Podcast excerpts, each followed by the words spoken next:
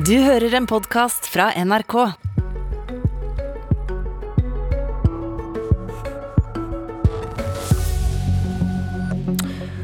Hvordan oppsummerer man et politisk år der det skjer noe så stort at det er vanskelig å ta inn? En så grunnleggende endring for Norge, Europa og verden at alt annet blir smått. Selv Søgne blir smått. Da må vi nesten begynne der, med krigen, og Søgne Senterpartiet og Støres samliv må vente på tur.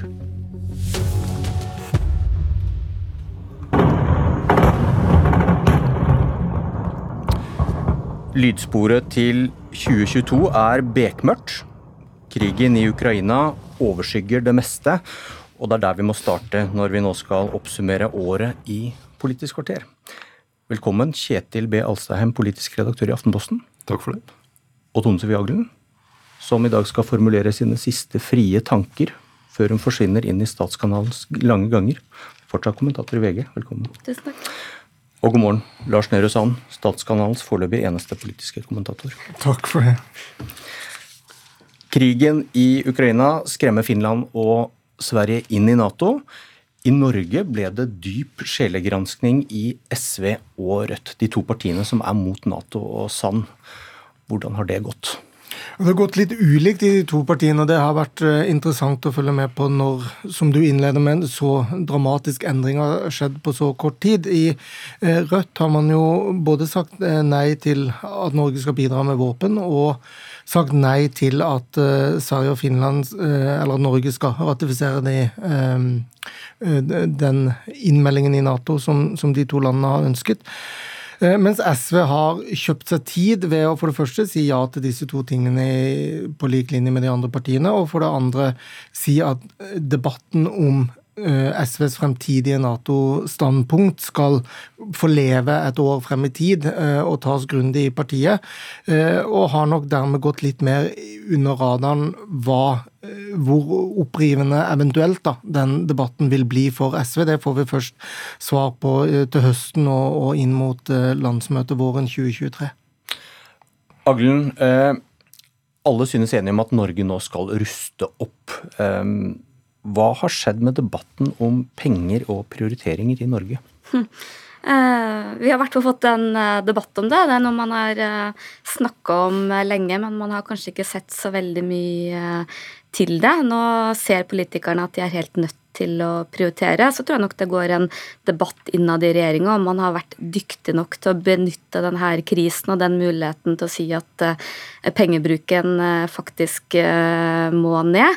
Vi så litt tilløp til det, at man ville nedskalere statlige byggeprosjekt. Noen av de forsøkene snubla vel litt, at man trakk seg tilbake på det. Det er varsla til høsten at det vil bli nedskalering av motorveier, men det har helt åpenbart åpna en ny virkelighet. Og så ser vi f.eks. at finansminister Vedum har fått en del kritikk på at han gikk ut med dette regnestykket om at folk vil få det bedre, istedenfor å kanskje benytte muligheten til å formidle tydeligere at det blir tøffere tider. Og det er kanskje et litt sånn fellesnevne ved kommunikasjonen til regjeringa.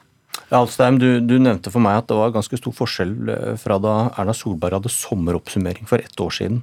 På hvilken måte? Eh, da sto hun på den nye takterrassen på Nasjonalmuseet og fortalte om eh, alle byggeprosjektene som var i gang. Eh, jeg husker ikke akkurat formuleringen, men at det bygges mer enn noensinne. Og så er vi da ett år etter, og Jonas Gahr Støre bruker sin sommerpressekonferanse til å, å ta et oppgjør med, med på en måte den byggebonanzaen. Uh, og, og, Nå sier jo Erna Solberg også at nå er vi i en annen økonomisk situasjon. Og det var jo ikke sånn at Arbeiderpartiet og Senterpartiet for et år siden prøvde, eller da de var i opposisjon, prøvde å bremse på byggingen. Men det sier noe om, om uh, hvordan den debatten er endret på ganske kort tid. Har, har norske politikere fått hjelp fra krigen til å kunne snakke om å kutte i disse budsjettene som vi hele tiden har snakket om blir trangere, Lars Nehru Sand?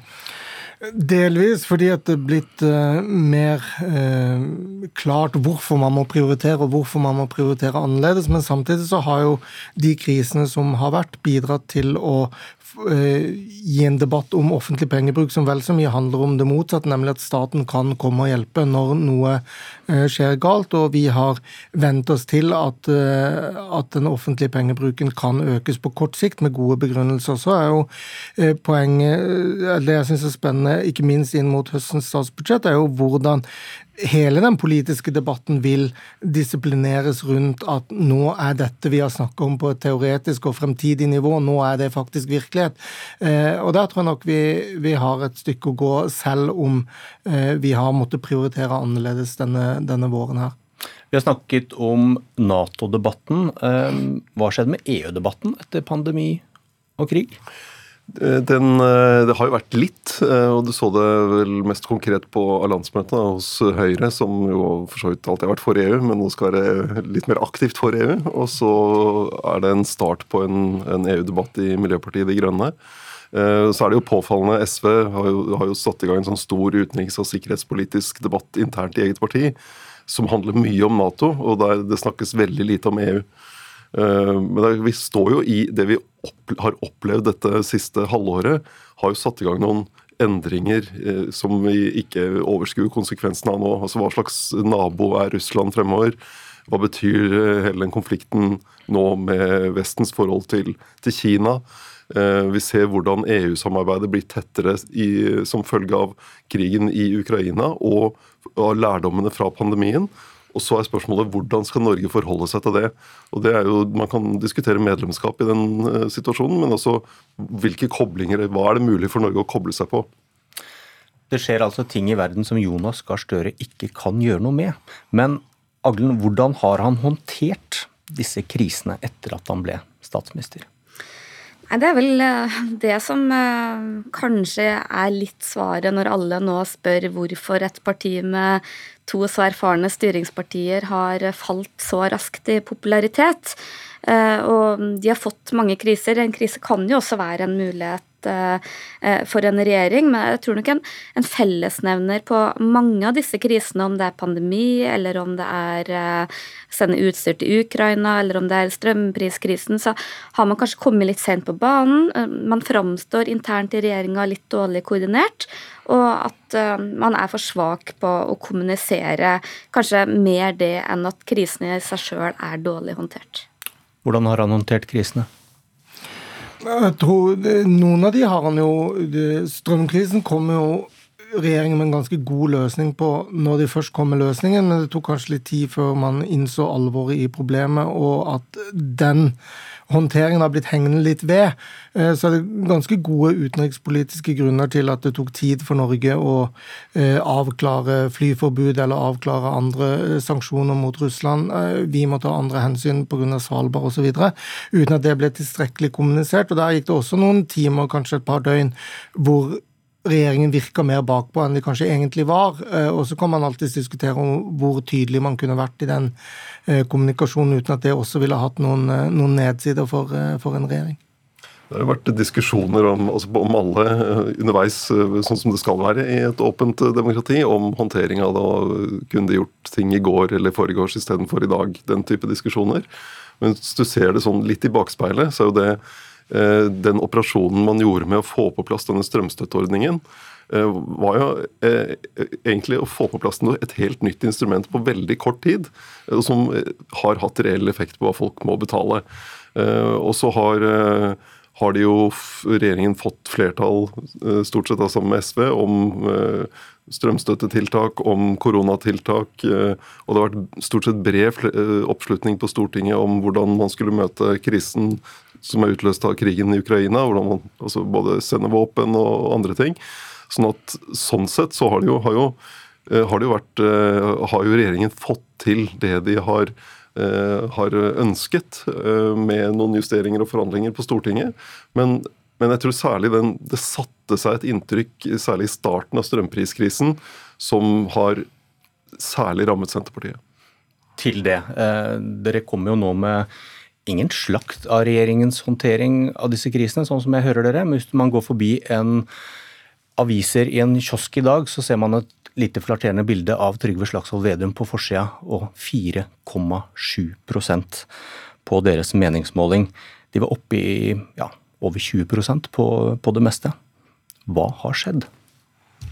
Det helt åpenbare er jo at uh, Senterpartiet i opposisjon har lova langt mer enn uh, de og noen er i stand til å innfri, så tror jeg nok at uh, de nå, selv om de får en del gjennomslag for sine velgere, de, så tror jeg de får dårlig betalt for f.eks. det å oppløse fylker, gjenopprette lensmannskontor, gjenopprette tingretter. Um, folk var kanskje opptatt av det en gang, men nå er det nok helt andre saker folk flest er opptatt av, som høye drivstoffpriser, om man får pass, om man kommer seg på ferie, helt andre ting. Så det er nok ikke lett. Og i tillegg så tror jeg nok ikke Vedum heller har funnet helt formen som finansminister. De nærmer seg sperregrensa, Lars Nehru Sand. Ja, Det eh, fallet til Senterpartiet En ting er regjeringen som sådan, men Senterpartiet spesielt er spektakulært. Og også fordi eh, oppgangen var det. Det at dette har vært så kortsiktig drevet, er nesten uten sidestykke i, i, norsk politisk historie. Men Vedum kjørte en valgkamp. Han har innfridd mange av de konkrete løftene. Dette er vel, Dagen i dag er vel den store gratisfergedagen, f.eks. Eh, men de svarene eh, Vedum har kvittert ut til sine velgere, virker ikke lenger å være de svarene velgerne er mest opptatt av, og de problemene man føler nærmest på seg. Kanskje spesielt fordi prispolitikken og det som rammer lommeboka er blitt så mye mer Eh, konkret.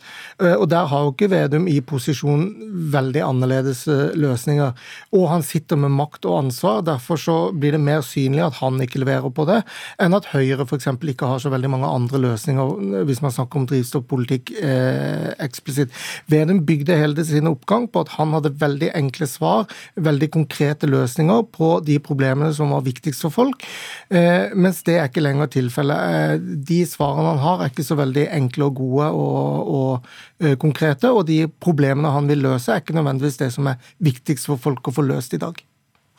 Senterpartiets suksess i fjor handlet jo om at eh, Vedum og Senterpartiet greide å appellere til veldig mange typer, ulike typer misnøye rundt omkring i landet.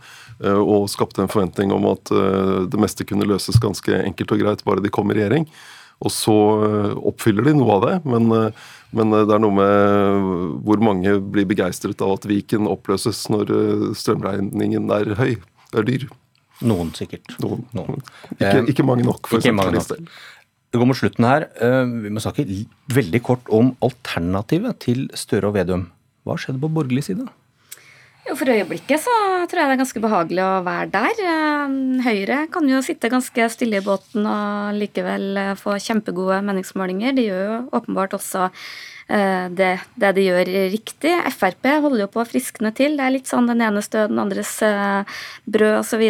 De tar tilbake litt av de velgerne de mista til eh, Senterpartiet, og har i tillegg saker på agendaen som passer dem. og så Kanskje KrF sliter, men uh, trøsten er jo at Venstre, som mange spådde død for ikke mange år siden, ser jo ut til å ha kommet, kommet, seg. Det er til og med blitt ro i Venstre. Så tror jeg nok at de får bare nyte roa nå, for problemene kommer vel den dagen de må uh, stable på beina et reelt alternativ til regjeringa. Ja, og Hva kan Erna Solberg svare på det, akkurat det spørsmålet? Hva er ditt regjeringsalternativ? Fordelen for henne er at hun slipper å svare på det, fordi det er, det er jo så lenge til neste stortingsvalg. og det er jo, Vi vet jo at de tre partnerne, så er det ikke sånn at Venstre og Kristelig Folkeparti uh, går og savner samarbeidet med Fremskrittspartiet, eller omvendt. Men det er, det er jo fascinerende å se disse målingene der du Normalt så jo, får jo gjerne et regjeringsparti, særlig det største, en slags, eh, et styringstillegg når det er kriser. Nå går det styringstillegget til den forrige statsministeren, Erna Solberg. At har en litt sånn, et savn etter Solberg, og, og at det er dit folk går for å måtte søke trygghet. Og selv om det er kortvarig valuta og på en sånn meningsmåling, så er det kanskje nyttig å være store inn mot et lokalvalg? Lars Nehru Sand? Ja, det er jo mye av de samarbeidsproblemene potensielt da på borgerlig side vil jo komme til syne i en del av, av storbyene. Der vil også matematikken på borgerlig side eh, komme til syne ved at Høyre utmerket godt kan gjøre et veldig godt valg, uten at den nødvendigvis resulteres i, i posisjoner eh, i mange av de store byene. Det blir jo spennende å se det neste halvåret. Neste halvåret god sommer til alle tre. Eh, Politisk kvarter som du kjenner det, tar sommerferie i fem uker. Men du får Sommerkvarteret kvart på åtte i hele sommer. Og der får du møte kjente og ukjente stemmer som står ja, midt oppi mange av de utfordringene vi har snakket om her i dag. Jeg heter Bjørn Myklebust. Vi ses og høres.